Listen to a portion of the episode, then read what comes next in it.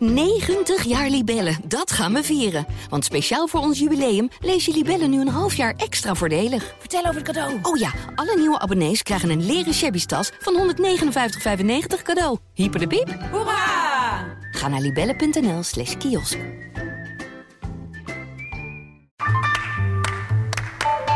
Ik lees de Volkskrant omdat kennis van zaken hebben mij geruststeld. En ik mij daardoor sterker in mijn schoenen volstaan. Eigenlijk zou iedereen de Volkskrant moeten lezen. Gun jezelf ook de Volkskrant. Ga meteen naar volkskrant.nl slash nu. En lees de krant tot wel acht weken voor maar 4 euro. Stopt vanzelf volgens de actievoorwaarden. Осталось 3 секунды. 2, 1, 0. Полевой столб, поднимающийся с земли, быстро увеличился в объеме. Dit is Ondertussen in de Kosmos, de podcast van de wetenschapsredactie van de Volkskrant. Mijn naam is Tony Mudde, chef van die wetenschapsredactie. We hoorden hier net een test van een Russische waterstofbom tijdens de Koude Oorlog, lang geleden, 1961. Alleen die Koude Oorlog die is weer terug. Nu Rusland Oekraïne is binnengevallen en Poetin openlijk dreigt met nucleaire wapens tegen iedereen die hem dwars zit.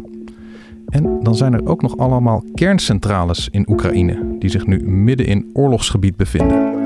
Hoe groot is het nucleaire gevaar? En kunnen wij, gewone stervelingen, ons hier op de een of andere manier tegen wapenen? Ik ga het erover hebben met drie collega's van de wetenschapsredactie die de afgelopen weken de nucleaire dreiging onderzochten. Maartje Bakker, Maarten Keulemans, George van Hal.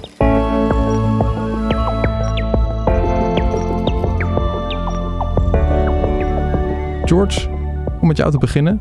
Oekraïne heeft 15 kerncentrales die zich nu midden in de vuurlinie bevinden. Ja, Gaat ja. dat goed? Ja, ze zitten overigens niet allemaal midden in de vuurlinie. Ja, sommige eh, zijn inmiddels zelfs al in Russische handen. Andere wordt nog niet bij gevochten. Maar Mhm. ja, die 15 kernreactoren, dat is natuurlijk wel een, een bron van zorg. Ja. En als daar een raket zo wop midden op zo'n kerncentrale valt, eh, hebben we dan in heel Europa meteen een gigantisch probleem? Ja, dat is wel het slechtst denkbare scenario. Een voltreffer op zo'n ehm, op zo'n kerncentrale. Het, het, wat het lastigste, de lastigste vraag is, is hoe stevig zijn die kerncentrales nou precies? Hè? Er staan muren omheen en die, eh, ja, die kunnen, als het goed is, wel tegen een stootje. In Nederland en in Europa hebben we kerncentrales waarvan bekend is dat je er met een vliegtuig op kan vliegen en eh, dat ze dan niet kapot gaan. Maar goed, een vliegtuig is iets anders dan een, een raket die Ja. ook nog bedoeld is om te ontploffen. Eh, bovendien weten we hier niet, in elk geval de experts, de Nederlandse experts die ik gebeld heb, weten niet precies hoe deze eh, kerncentrales in elkaar zitten. Ze zijn van Russische makelij, Russisch ontwerp. En ehm, ja, ze weten niet precies hoe stevig die muren zijn. Maar goed, als het gebeurt, ehm, ja, dan, dan heb je wel een probleem. Omdat dan die kernreactor kapot gaat. En daar zitten brandstofstaven in. Mhm. En ehm, die brandstofstaven die zitten daar heel verstandig in ontworpen. Die worden namelijk continu gekoeld. En als die koeling wegvalt, of als er een bom opvalt, Mhm. ehm, dan heb je het probleem dat die eh, staven misschien te warm gaan worden. Zo warm dat ze gaan smelten. Dan naderen ze hun eigen smeltpunt. En dat is wat eh, bekend staat als een eh, zogeheten meltdown. Ja. Ehm, dat gebeurt overigens meestal niet doordat je er een bom op gooit. Meestal gebeurt dat doordat de stroom wegvalt. Eh, Dat was bijvoorbeeld in Fukushima. Dat is de meest recente, het meest recente voorbeeld. Was dat het geval? Ja, Daar viel de stroomvoorziening weg. Waardoor er niet meer gekoeld werd. En toen kreeg je in een aantal van die reactoren kreeg je zo'n meltdown. Eh, wat er dan gebeurt is dat je dus gloeiend hete, vloeibare, radioactieve stoffen hebt. Die ja, door de wand van de reactor heen gaan lekken. Misschien uiteindelijk eh, door de vloer naar beneden. Ehm, ja, je kunt van alles bedenken. eh, maar dan komt die radioactiviteit dus in de omgeving terecht. En dat is eh, onwenselijk. Dat is wat je niet wil, want dat is schadelijk voor mensen. Nou is het in dit geval dan, als dit gebeurt, alleen schadelijk voor nou ja, de werknemers en de- misschien de omwonenden. Ja. Ehm, het wordt een groter probleem als op de een of andere manier dat spul ook eh, naar boven komt. Bijvoorbeeld door een explosie. Eh, er wordt eh, heel veel van die kernreactoren die werken doordat ze water verwarmen. Nou ja, als die druk van het water oploopt, je kunt incidenten met stoom krijgen. allerlei explosiescenario's zou je kunnen bedenken. Waardoor dit materiaal de lucht in dwarrelt. En als de winter dan vat op krijgt, dan kan het misschien over een land verspreiden of zelfs over landgrenzen. Maar George, ik begrijp dus eigenlijk dat dus niet wat je eigenlijk als leek al denkt, dat je dan meteen zo'n paddenstoelwolk uh, krijgt. Dat is dus niet het geval. Uh. Nee, nee, daar heb je echt een kernbom voor nodig. En uh, wat er in kernbommen zit, ja, ligt er een beetje aan wat voor een exemplaar je te pakken hebt. Het fragment dat we net hoorden, uh, daar zit een kernbom in. Dat is een, een fusiebom. Dat is getrapt. Dat begint met kernsplijting. Dat is hoe ook energie in kerncentrales wordt opgewekt. Dat zijn atomen die splijten in kleinere stukjes en daarbij komt energie vrij. En zogeheten neutronen. die neutronen die kunnen dan op andere uh, atomen botsen en zo'n atoom weer opbreken in, uh, in stukjes. En daarmee kun je een kettingreactie veroorzaken. Nou, zo'n kettingreactie, dat is waar een uh, kerncentrale op werkt. Die kettingreactie kun je ook stoppen door er staven met absorberend materiaal tussen te steken die dan die neutronen afvangen. Um, dan is die brandstof zelf nog steeds wel radioactief en er zitten dus gewoon splijtingsevenementen in. Um, daardoor blijft het gevaarlijk. Uh, maar in zo'n kernbom, ja. daar uh, heb je niet alleen een kettingreactie, maar dan wordt het ook steeds erger. Doordat die neutronen steeds meer atomen aanzwengelen en er steeds meer energie uit vrijkomt. Uh, dat kun je niet zomaar stoppen. dat gebeurt ook binnen ja, een fractie van een seconde. Heb je dan die enorme knal te pakken. alleen daar heb je wel materiaal voor nodig dat van hogere concentratie is. Dus er zit meer uranium in. Eh, en dat heet dan zogeheten weapons grade uranium. Dan heb je iets van 50% uh, van het spul erin zitten van dat pure, uh, van die pure radioactieve materialen en niet van de niet-radioactieve uh, variant. Ja. En in kerncentrales heb je het dan over, nou ja, 4% van het spul. Dus daar kun je niet zomaar zo'n runaway explosies als in een kernbom mee veroorzaken. En de Russen hebben zelf denk ik ook geen enkel belang bij een meltdown, toch? In zo'n kerncentrale. Nee, ja. Zeker niet als er dan een wolk uh, van west naar oost gaat waaien. Nee, nee, dat klopt. Ja, kijk, uh, als je doel is om de energievoorziening kapot te maken, dan heb je met zo'n meltdown, stel je zou het op de een of andere manier nog een beetje gecontroleerd kunnen doen, zodat het niet te ver de omgeving incijpelt. Ja, dan weet je wel zeker dat ze voorlopig die kerncentrale niet meer aan gaan zetten. Ja. Uh, maar dat is ja, iets anders dan dat zou ik niet kunnen bedenken waarom je dat in vredesnaam zou willen. En wat ik niet zo goed snap, hè, want uh, ze maken zich dan nu ook zorgen om de kerncentrale van Tsjernobyl. Ja. Denk van, ja, wanneer was die meltdown? Dat was toch begin jaren 86? Ja. Dat is, dat, is een, dat is een bijna 40 jaar geleden. Ja. En er zijn nu nog steeds zorgen over dat daar iets mis kan gaan. Ja, Hoe maar niet, dat? daar maken ze zich dus niet zorgen om een meltdown van de reactor. Mm -hmm. Maar er liggen wel nog oude energiestaven uh, met dat nucleaire brandstof. Uh, niet alleen uit 1986. Er staan ook nog centrales omheen die wat langer hebben aangestaan. Um, tot uh, 2000 uit mijn hoofd is de, is de laatste uitgezet. Um, goed, dan heb je dus 22 jaar oud uh, radioactief materiaal. Nou, daarvan kun je wel vrij zeker zijn dat ze niet meer actief gekoeld hoeven te worden. Mm -hmm. Dus die liggen dan in een bazin water. Um, nou zorgen ze er daarvoor wel dat de lucht daarboven ververst wordt. Uh, zodat er geen uh, radioactief spul blijft hangen in zo'n ruimte. Um, en als je het water weg zou halen, ja, dan zou je misschien nog een probleem kunnen hebben. Verwacht ik overigens ook niet bij 22 jaar oude uh, brandstofstaven. Maar in datzelfde bazin worden ook staven uit de andere kernreactoren neergelegd. Dus er ligt ook nog wel wat verser materiaal dan uh, 22 jaar oud. Um, nou, onder de streep heeft het uh, Internationaal Atoomagentschap gezegd: het is niet zo'n enorme ramp als, het, uh, als de stroom daar nu uitvalt. Ja. Uh, dat water is voorlopig genoeg om de aanwezige brandstofstaven uh, koel te houden. Um, de zorgen om dat soort reactoren zijn eigenlijk van een, van een andere aard. Want er werken daar 211 mensen. -hmm. um, ja, die zitten daar nu inmiddels al drie weken. En die zijn niet afgelost en die moeten blijven werken. Uh, ja, die zijn inmiddels te moe, wordt gezegd, om uh, reparatiewerkzaamheden en dergelijke uit te voeren. Dus als daar dan toch op de een of andere manier iets misgaat, ja, dan zit je met, een, uh, met oververmoeide experts uh, die dat normaal gesproken doen. Ja, dat is, is een fout snel een, gemaakt natuurlijk. Ja, ja, en dan gaat het niet om dat we daar dan hier in Nederland last van zouden hebben. En zelfs niet aan de andere kant van, van Oekraïne. Mm -hmm. Maar dat kan natuurlijk wel hele ernstige gevolgen hebben voor die medewerkers zelf. Ja, precies. Dus nou, dit is, dit is met name dus een, nou, hoe erg het nog ook is, een lokaal gevaar. Ja. Uh, tenzij er een explosie is en er ook nog van alles gaat waaien. Ja. Uh, dan hebben we ook nog een wat grimmiger nucleair scenario. Uh, waar jij over hebt geschreven, Maarten. Dat Mhm. is namelijk dat Poetin. Nou, laten we maar even naar hem luisteren. Wat hij zelf zegt. Komt-ie. As Russia's tanks rolled into Ukraine, Vladimir Putin made a threat not heard since the height of the Cold War. Russia's response will be immediate and will lead you to such consequences never experienced in your history. Then, days later, he raised the alert level of the world's largest nuclear arsenal.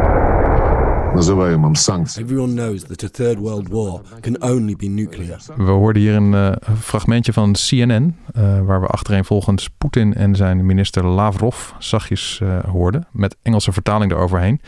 En ja, ehm, hij zegt het eh, eigenlijk, pas op Westen, anders gaan jullie dingen zien die je nog nooit hebt gezien. En Poetin verhoogt de status van zijn nucleaire troepen tot de hoogste staat van paraatheid. En dan zegt meneer Lavrov ook nog: een derde wereldoorlog zal een nucleaire oorlog zijn. Dat is uh, nare taal. Gespierde taal inderdaad. En het is heel moeilijk in te schatten uh, in hoeverre dat nou ja, spierballentaal is. In de zin van dit gaan we nooit echt doen, maar het is gewoon al een beetje boete roepen. Mm -hmm. Of dat het echt een optie is. En er zijn wel serieuze analisten die denken dat dat laatste wel misschien het geval kan zijn.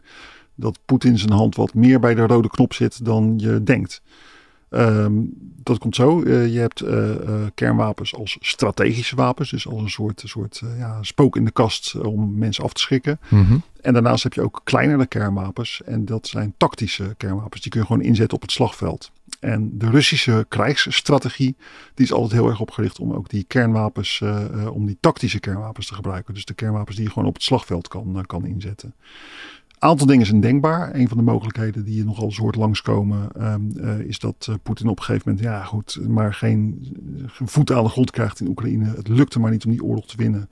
En dat hij dan, ja, net als eigenlijk ook aan het einde van de Tweede Wereldoorlog is gebeurd, dat hij dan een atoombom laat ontploffen. Of een kernbom, uh, wat voor wapen ook. Om gewoon Oekraïne echt op de knieën te dwingen. Nou, een andere optie die aan de orde zou kunnen zijn, is dat, ja, dat de NAVO en Poetin toch met elkaar slaags raken op een of andere manier. Er gaat een keer een raket de grens over. NAVO reageert daar weer op. En het wordt echt, echt ruzie tussen NAVO en, uh, en Poetin. En dan zou zo'n kernbom, die zou uh, Poetin dan uh, kunnen gebruiken om, ja, om te zeggen van stop tot hier en niet verder.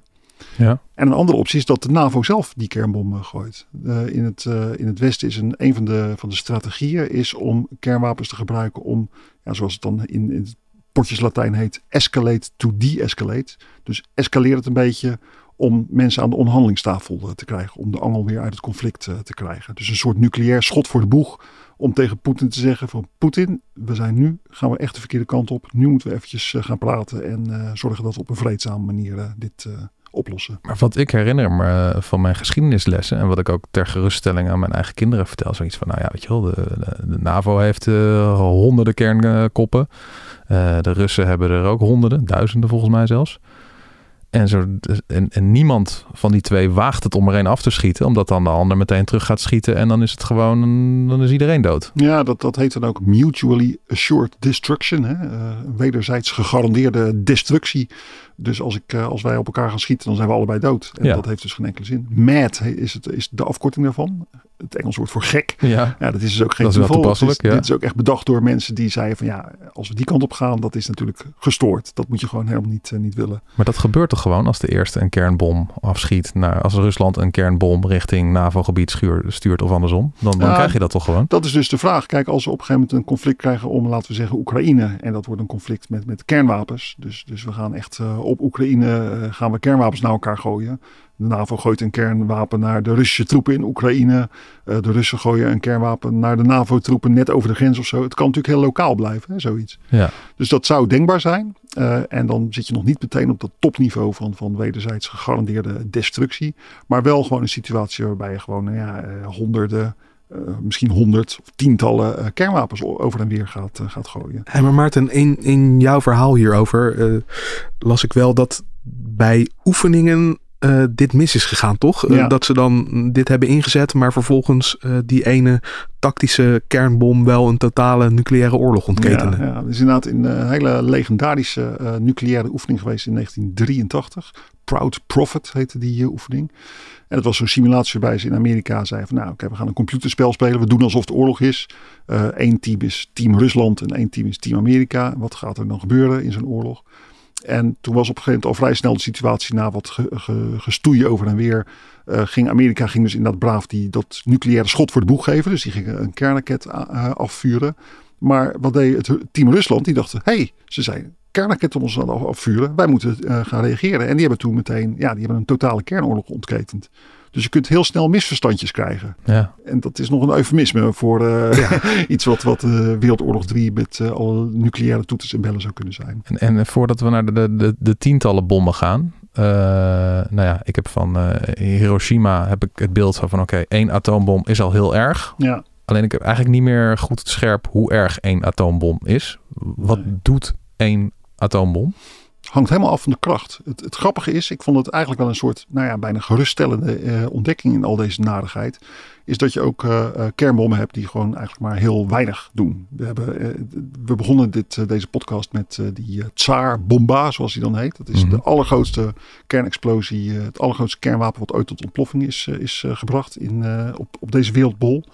Ik moet even spieken. Dat was, uh, hoe was die? Ja, 50 megaton was die. Mm-hmm. En ze kunnen tot 100 megaton gaan. Nou ja, dat is dus 3000 keer Hiroshima.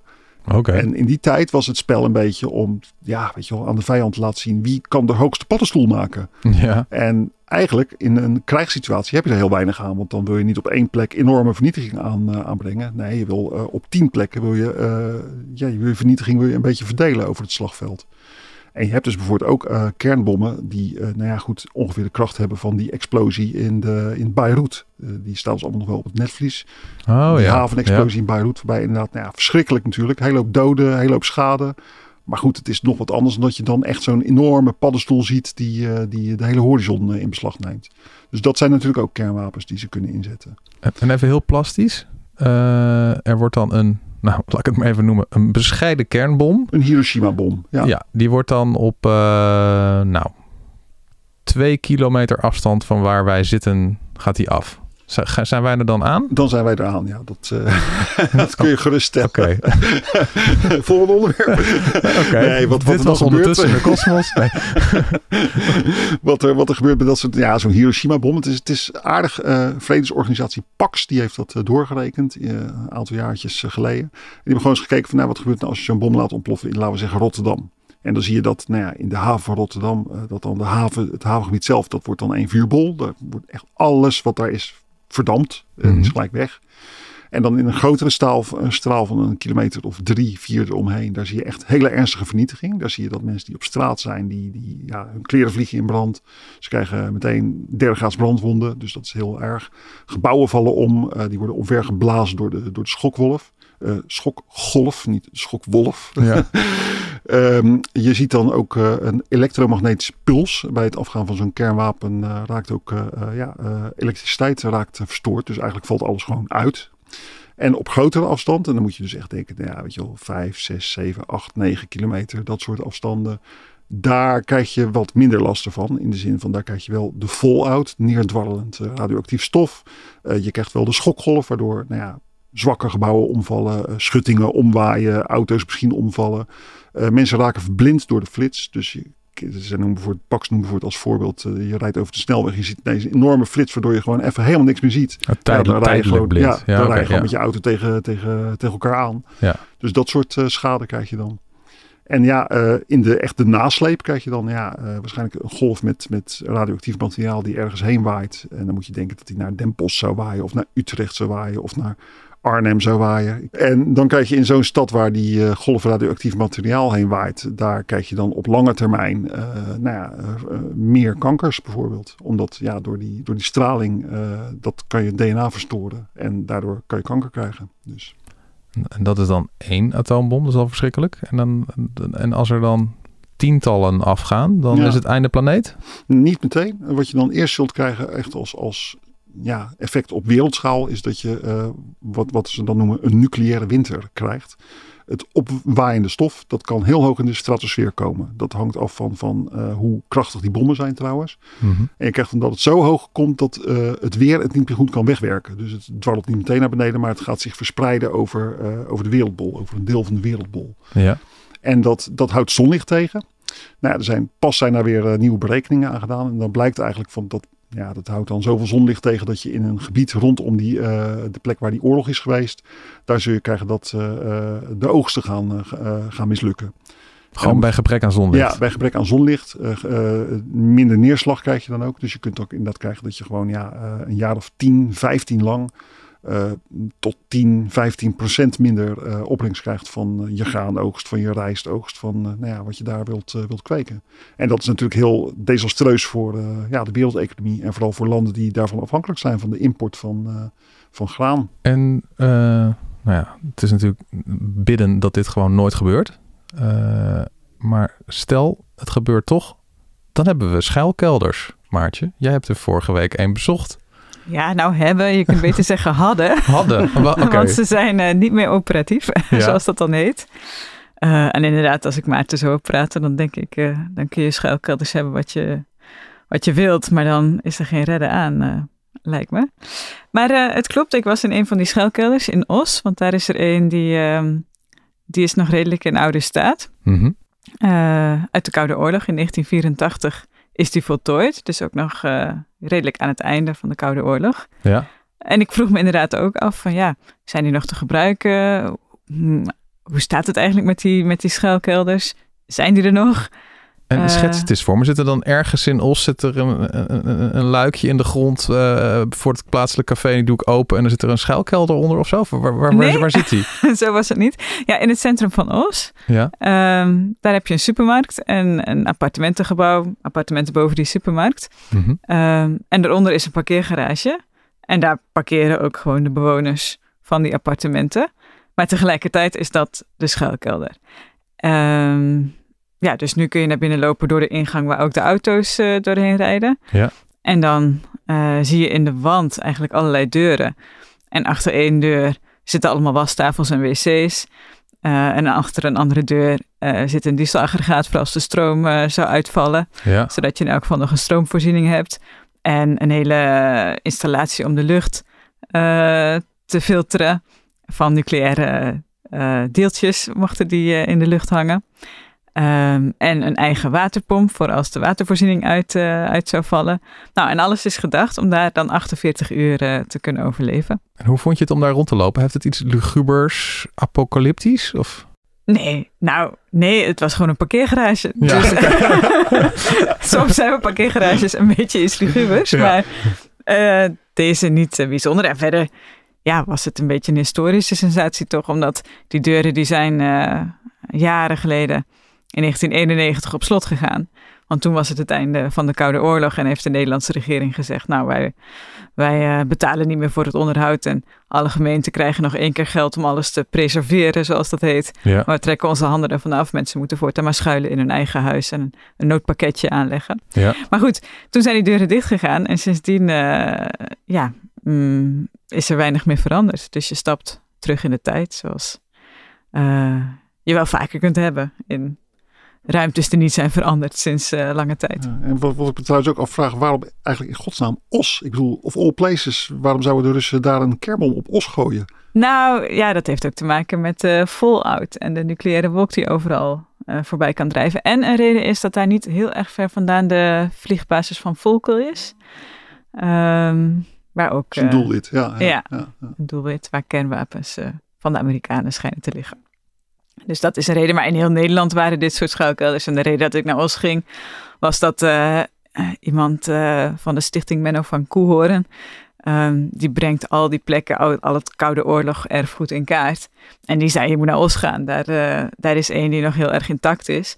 En waar dus bijvoorbeeld ook zit-lichtcombinaties nog staan. Zit-lichtcombinaties? Ja, dat zijn een dat? soort van heel primitieve bedjes die dan konden worden opgebouwd, zodat mensen ook daar konden slapen.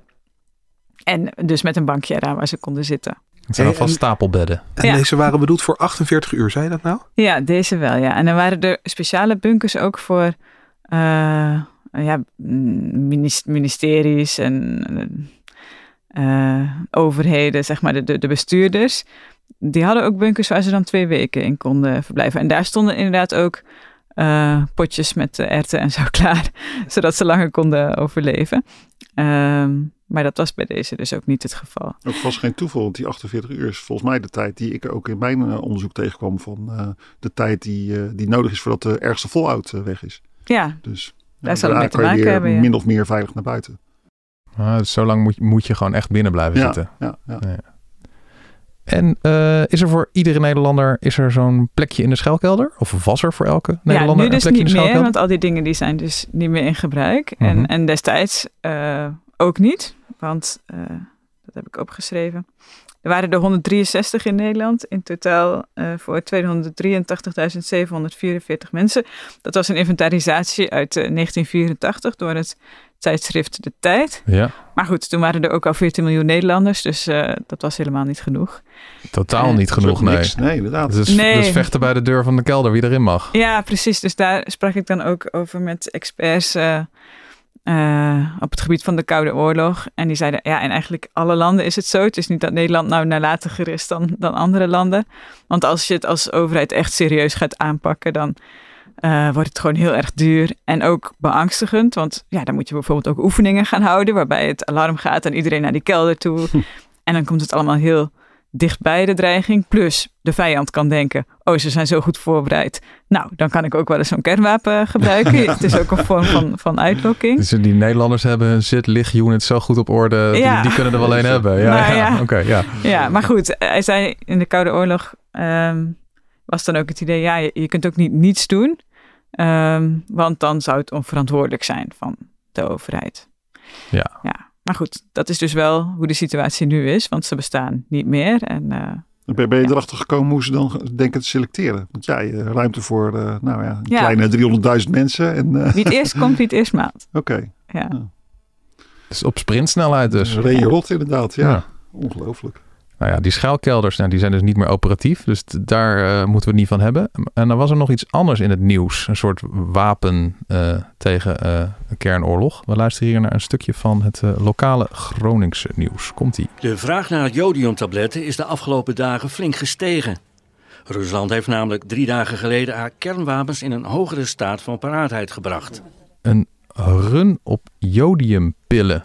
Waarom zouden jodiumpillen helpen tegen een aanval met kernwapens? Nou, um, jodium wordt uh, opgenomen door de schildklier. Mhm. En als er een kernwapen uh, wordt afgevuurd en, en uh, er komen radioactieve deeltjes vrij, dan zou je die dus kunnen inademen, waarbij het radioactieve jodium naar de schildklier gaat Ja. en vervolgens schildklierkanker kan veroorzaken.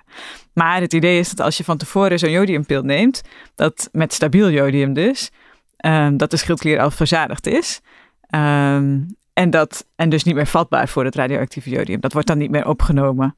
Ja, uh, oké. Wanneer je daar later mee En dan zit de spons al vol eigenlijk. En dan kan er niks meer van het vervelende spul jodium kan er niks meer bij. Ja, zo kun je het zien. Ja. Ja. En uh, ja, werkt dat? Um, nou ja. Want het wordt, wel uit, het wordt wel uitgedeeld bij mensen die in de buurt van een uh, kerncentrale wonen, toch? Voor een noodgeval. Ja, daar kan het ook wel uh, werken. Of, of, in die gevallen um, is in het verleden ook gevonden dat er bijvoorbeeld rond Tsjernobyl meer schildklierkanker voorkwam. Dus dan kun je je voorstellen, nou, als die mensen een jodiumpil hadden genomen, dan had het misschien uh, geholpen. Mm -hmm. um, nu is de lijn, kijk, bij alles wat er in Oekraïne gebeurt, of het nou iets met een kerncentrale is of een atoombom, dat is zo ver weg van Nederland. Daarvoor uh, zou, zouden wij geen jodiumpillen hoeven te slikken. Ja. Um, want tegen de tijd dat zo'n nucleaire wolk is verspreid, dan is de concentratie uh, jodiumdeeltjes of, of, radioactieve deeltjes überhaupt zo laag. Uh, dat is eigenlijk niet meer gevaarlijk. Mm -hmm. um, maar als er nou dichterbij iets zou gebeuren, ja. um, met een atoombom, ja, daarover heb ik ook gevraagd aan de experts. Ja, heeft het dan zin om een jodiumpil uh, te nemen ter preventie? En daar kwam eigenlijk geen eenduidig antwoord op. Sommigen zeiden uh, nee, uh, dat heeft geen zin, want bij zo'n atoombom daar komen zoveel verschillende radioactieve elementen vrij. Daar is jodium er maar één van, dus ja, daar kun je dan tegen beschermen. Maar goed, tegen cesium of, of noem maar op, andere elementen, eh, ben je helemaal niet beschermd. Dus het is een soort schijnveiligheid. Ja.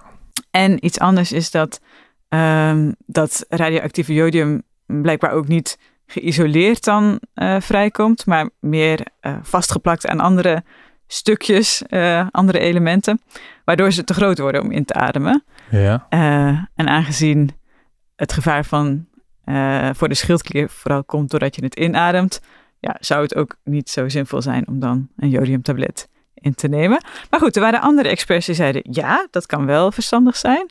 Ehm, als je wordt blootgesteld aan de straling van, van een atoombom. Eh, dat was onder andere de, de autoriteit nucleaire veiligheid en straling, die de overheid adviseert. Die zei wel van ja, oké, kan nuttig zijn. Mhm. Uh, maar ze waren ook heel voorzichtig, want je moet het wel precies op tijd innemen. Dus pas um, als uh, de minister van Volksgezondheid opdracht geeft. Uh, en ook absoluut niet te veel, want jodiumtabletten kunnen wel ernstige bijwerkingen hebben.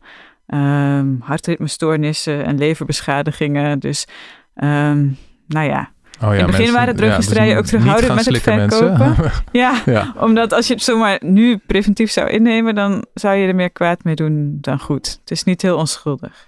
Ik vond het sowieso trouwens heel interessant bij, bij ja, weet je wel, toen ik gewoon de onderzoeken ging lezen en de vakliteratuur ging lezen over eh, nou ja, die, die kans op kankers en zo. Je hebt altijd zo'n beeld van, nou ja, als, na de atoombom krijgen we allemaal kanker en krijgen mismaakte kinderen en zo. Dat is omdat het zo Ja. in de films gaat. En dieren met twee hoofden. Nou ja, precies. Maar dat blijkt dus in werkelijkheid blijkt dat eigenlijk ja, mee te vallen. Eh, er is een verhoogde kans op kanker. Maar bijvoorbeeld bij Hiroshima hebben ze onderzoek gedaan. En dat bleek dus dat in de, in de vijf jaar na de atoombom. Was er voor mensen die dat hadden meegemaakt, was er wel meer leukemie. Maar slechts 46% meer leukemie. Dat zijn natuurlijk veel te veel kinderen. Maar het is toch wel, ja, het plaatst het wel een beetje in, in perspectief. Het is natuurlijk een ziekte die sowieso heel zeldzaam is. Ja, want daarvan zeggen, zijn er dan wat 46% meer dat klinkt nog heel veel. Maar ja, Precies, als, ja. maar als 1 op de 1000 normaal het Ja. krijgt, dan is 46% meer is dan, eh, nou ja, dan ga je naar de 2 op de 1000. Ja. Precies, precies. Dus dat is inderdaad relatief Maar volgens mij las ik in jouw stuk, Maarten, wel, wel enorme aantallen mensen die, die aan straling eh, zouden doodgaan. En, veel meer dan door de Ja, eerste klopt. klap, door de straling daarna. Dus Ja. hoe zat dat dan? Ja, dat is de stralingsziekte. Dus op het moment dat die boms afgaan, dan wordt de hele omgeving wordt bestraald. Mensen krijgen fallout op hun dak. En dan krijg je dus brandwonden, je haar valt uit. Dat is eh, een overdosis straling. En daar, dat is een hele afschij- afgrijzelijke eh, ziekte. Waar, ja, waar je dus aan, ook aan kan doodgaan. Maar echt in de nasleep, de jaren en decennia daarna, ja, dan krijg je dus inderdaad meer kankers, maar ook weer niet zo heel gek veel. Het is niet zo dat je wel voorbestemd bent van, oh je hebt dit meegemaakt, dus dan zal je wel aan kanker overlijden. Gelukkig niet. Tot, tot slot, hè, want we zitten hier met vier wetenschapsjournalisten aan tafel. En wetenschapsjournalistiek is toch vaak, hè, weet je wel, wetenschappers die proberen dan iets moois te ontdekken voor de mensheid, zodat we dan eh, niet zo snel doodgaan aan corona of eh, vijf keer zoveel landbouwgewassen op eenzelfde stuk oppervlak kunnen krijgen of iets ontdekken, een nieuwe planeet.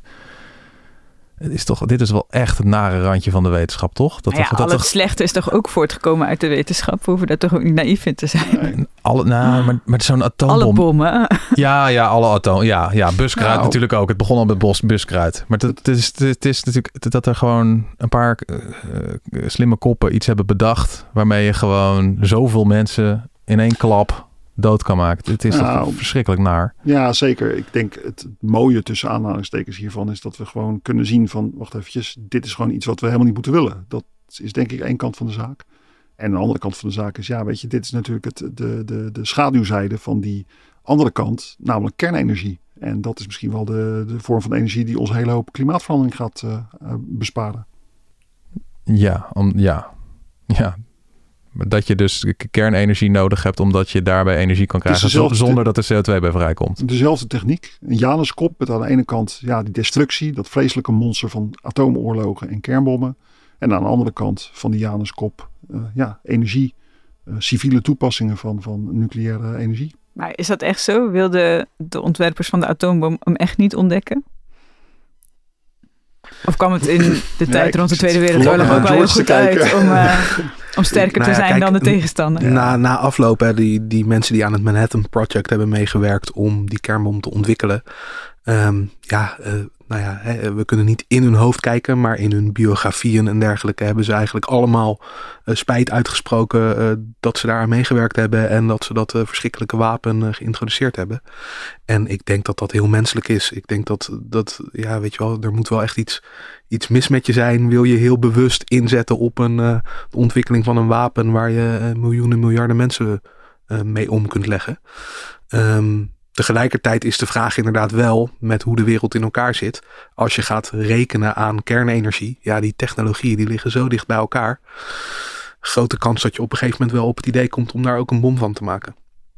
Ben ik bang. Ja, ja. en vergeet ook niet in die tijd, het denken was anders. Hè? Men dacht in termen van bommen. Men dacht van, oh ja, we moeten, je bent aan het vechten, je bent in de oorlog met de Duitsers. Die overigens ook bezig waren aan een atoombom. Wat kunnen we doen om deze oorlog te beëindigen? Nou, een hele grote bom maken. En natuurlijk nog helemaal niet met zoals we nu zitten met nucleaire winters en straling en dat je haar uitvalt en allemaal dat soort uh, gruwelijke details. Daar hadden ze denk ik geen weet van. Dat weet ik eigenlijk wel zeker. Uh, laten we hopen dat dit uh, vreselijk door mensen bedachte ding nooit meer wordt ingezet.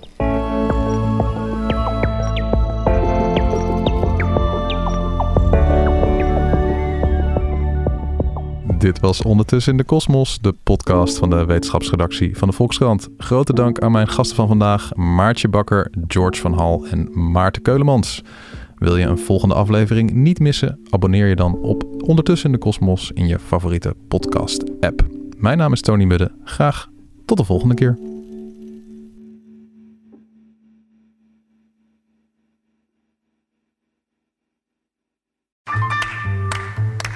Ik lees de Volkskrant omdat ik altijd alle kanten van een verhaal wil weten. En ik nieuwsgierig ben naar de mening van anderen. Eigenlijk zou iedereen de Volkskrant moeten lezen. Gun jezelf ook de Volkskrant. Ga meteen naar volkskrant.nl/slash nu.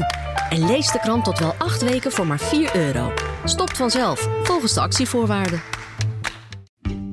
90 jaar Libellen, dat gaan we vieren. Want speciaal voor ons jubileum lees je Libellen nu een half jaar extra voordelig. Vertel over het cadeau. Oh ja, alle nieuwe abonnees krijgen een leren shabby tas van 159,95 cadeau. Hyper de piep. Hoera! Ga naar libellen.nl slash kiosk.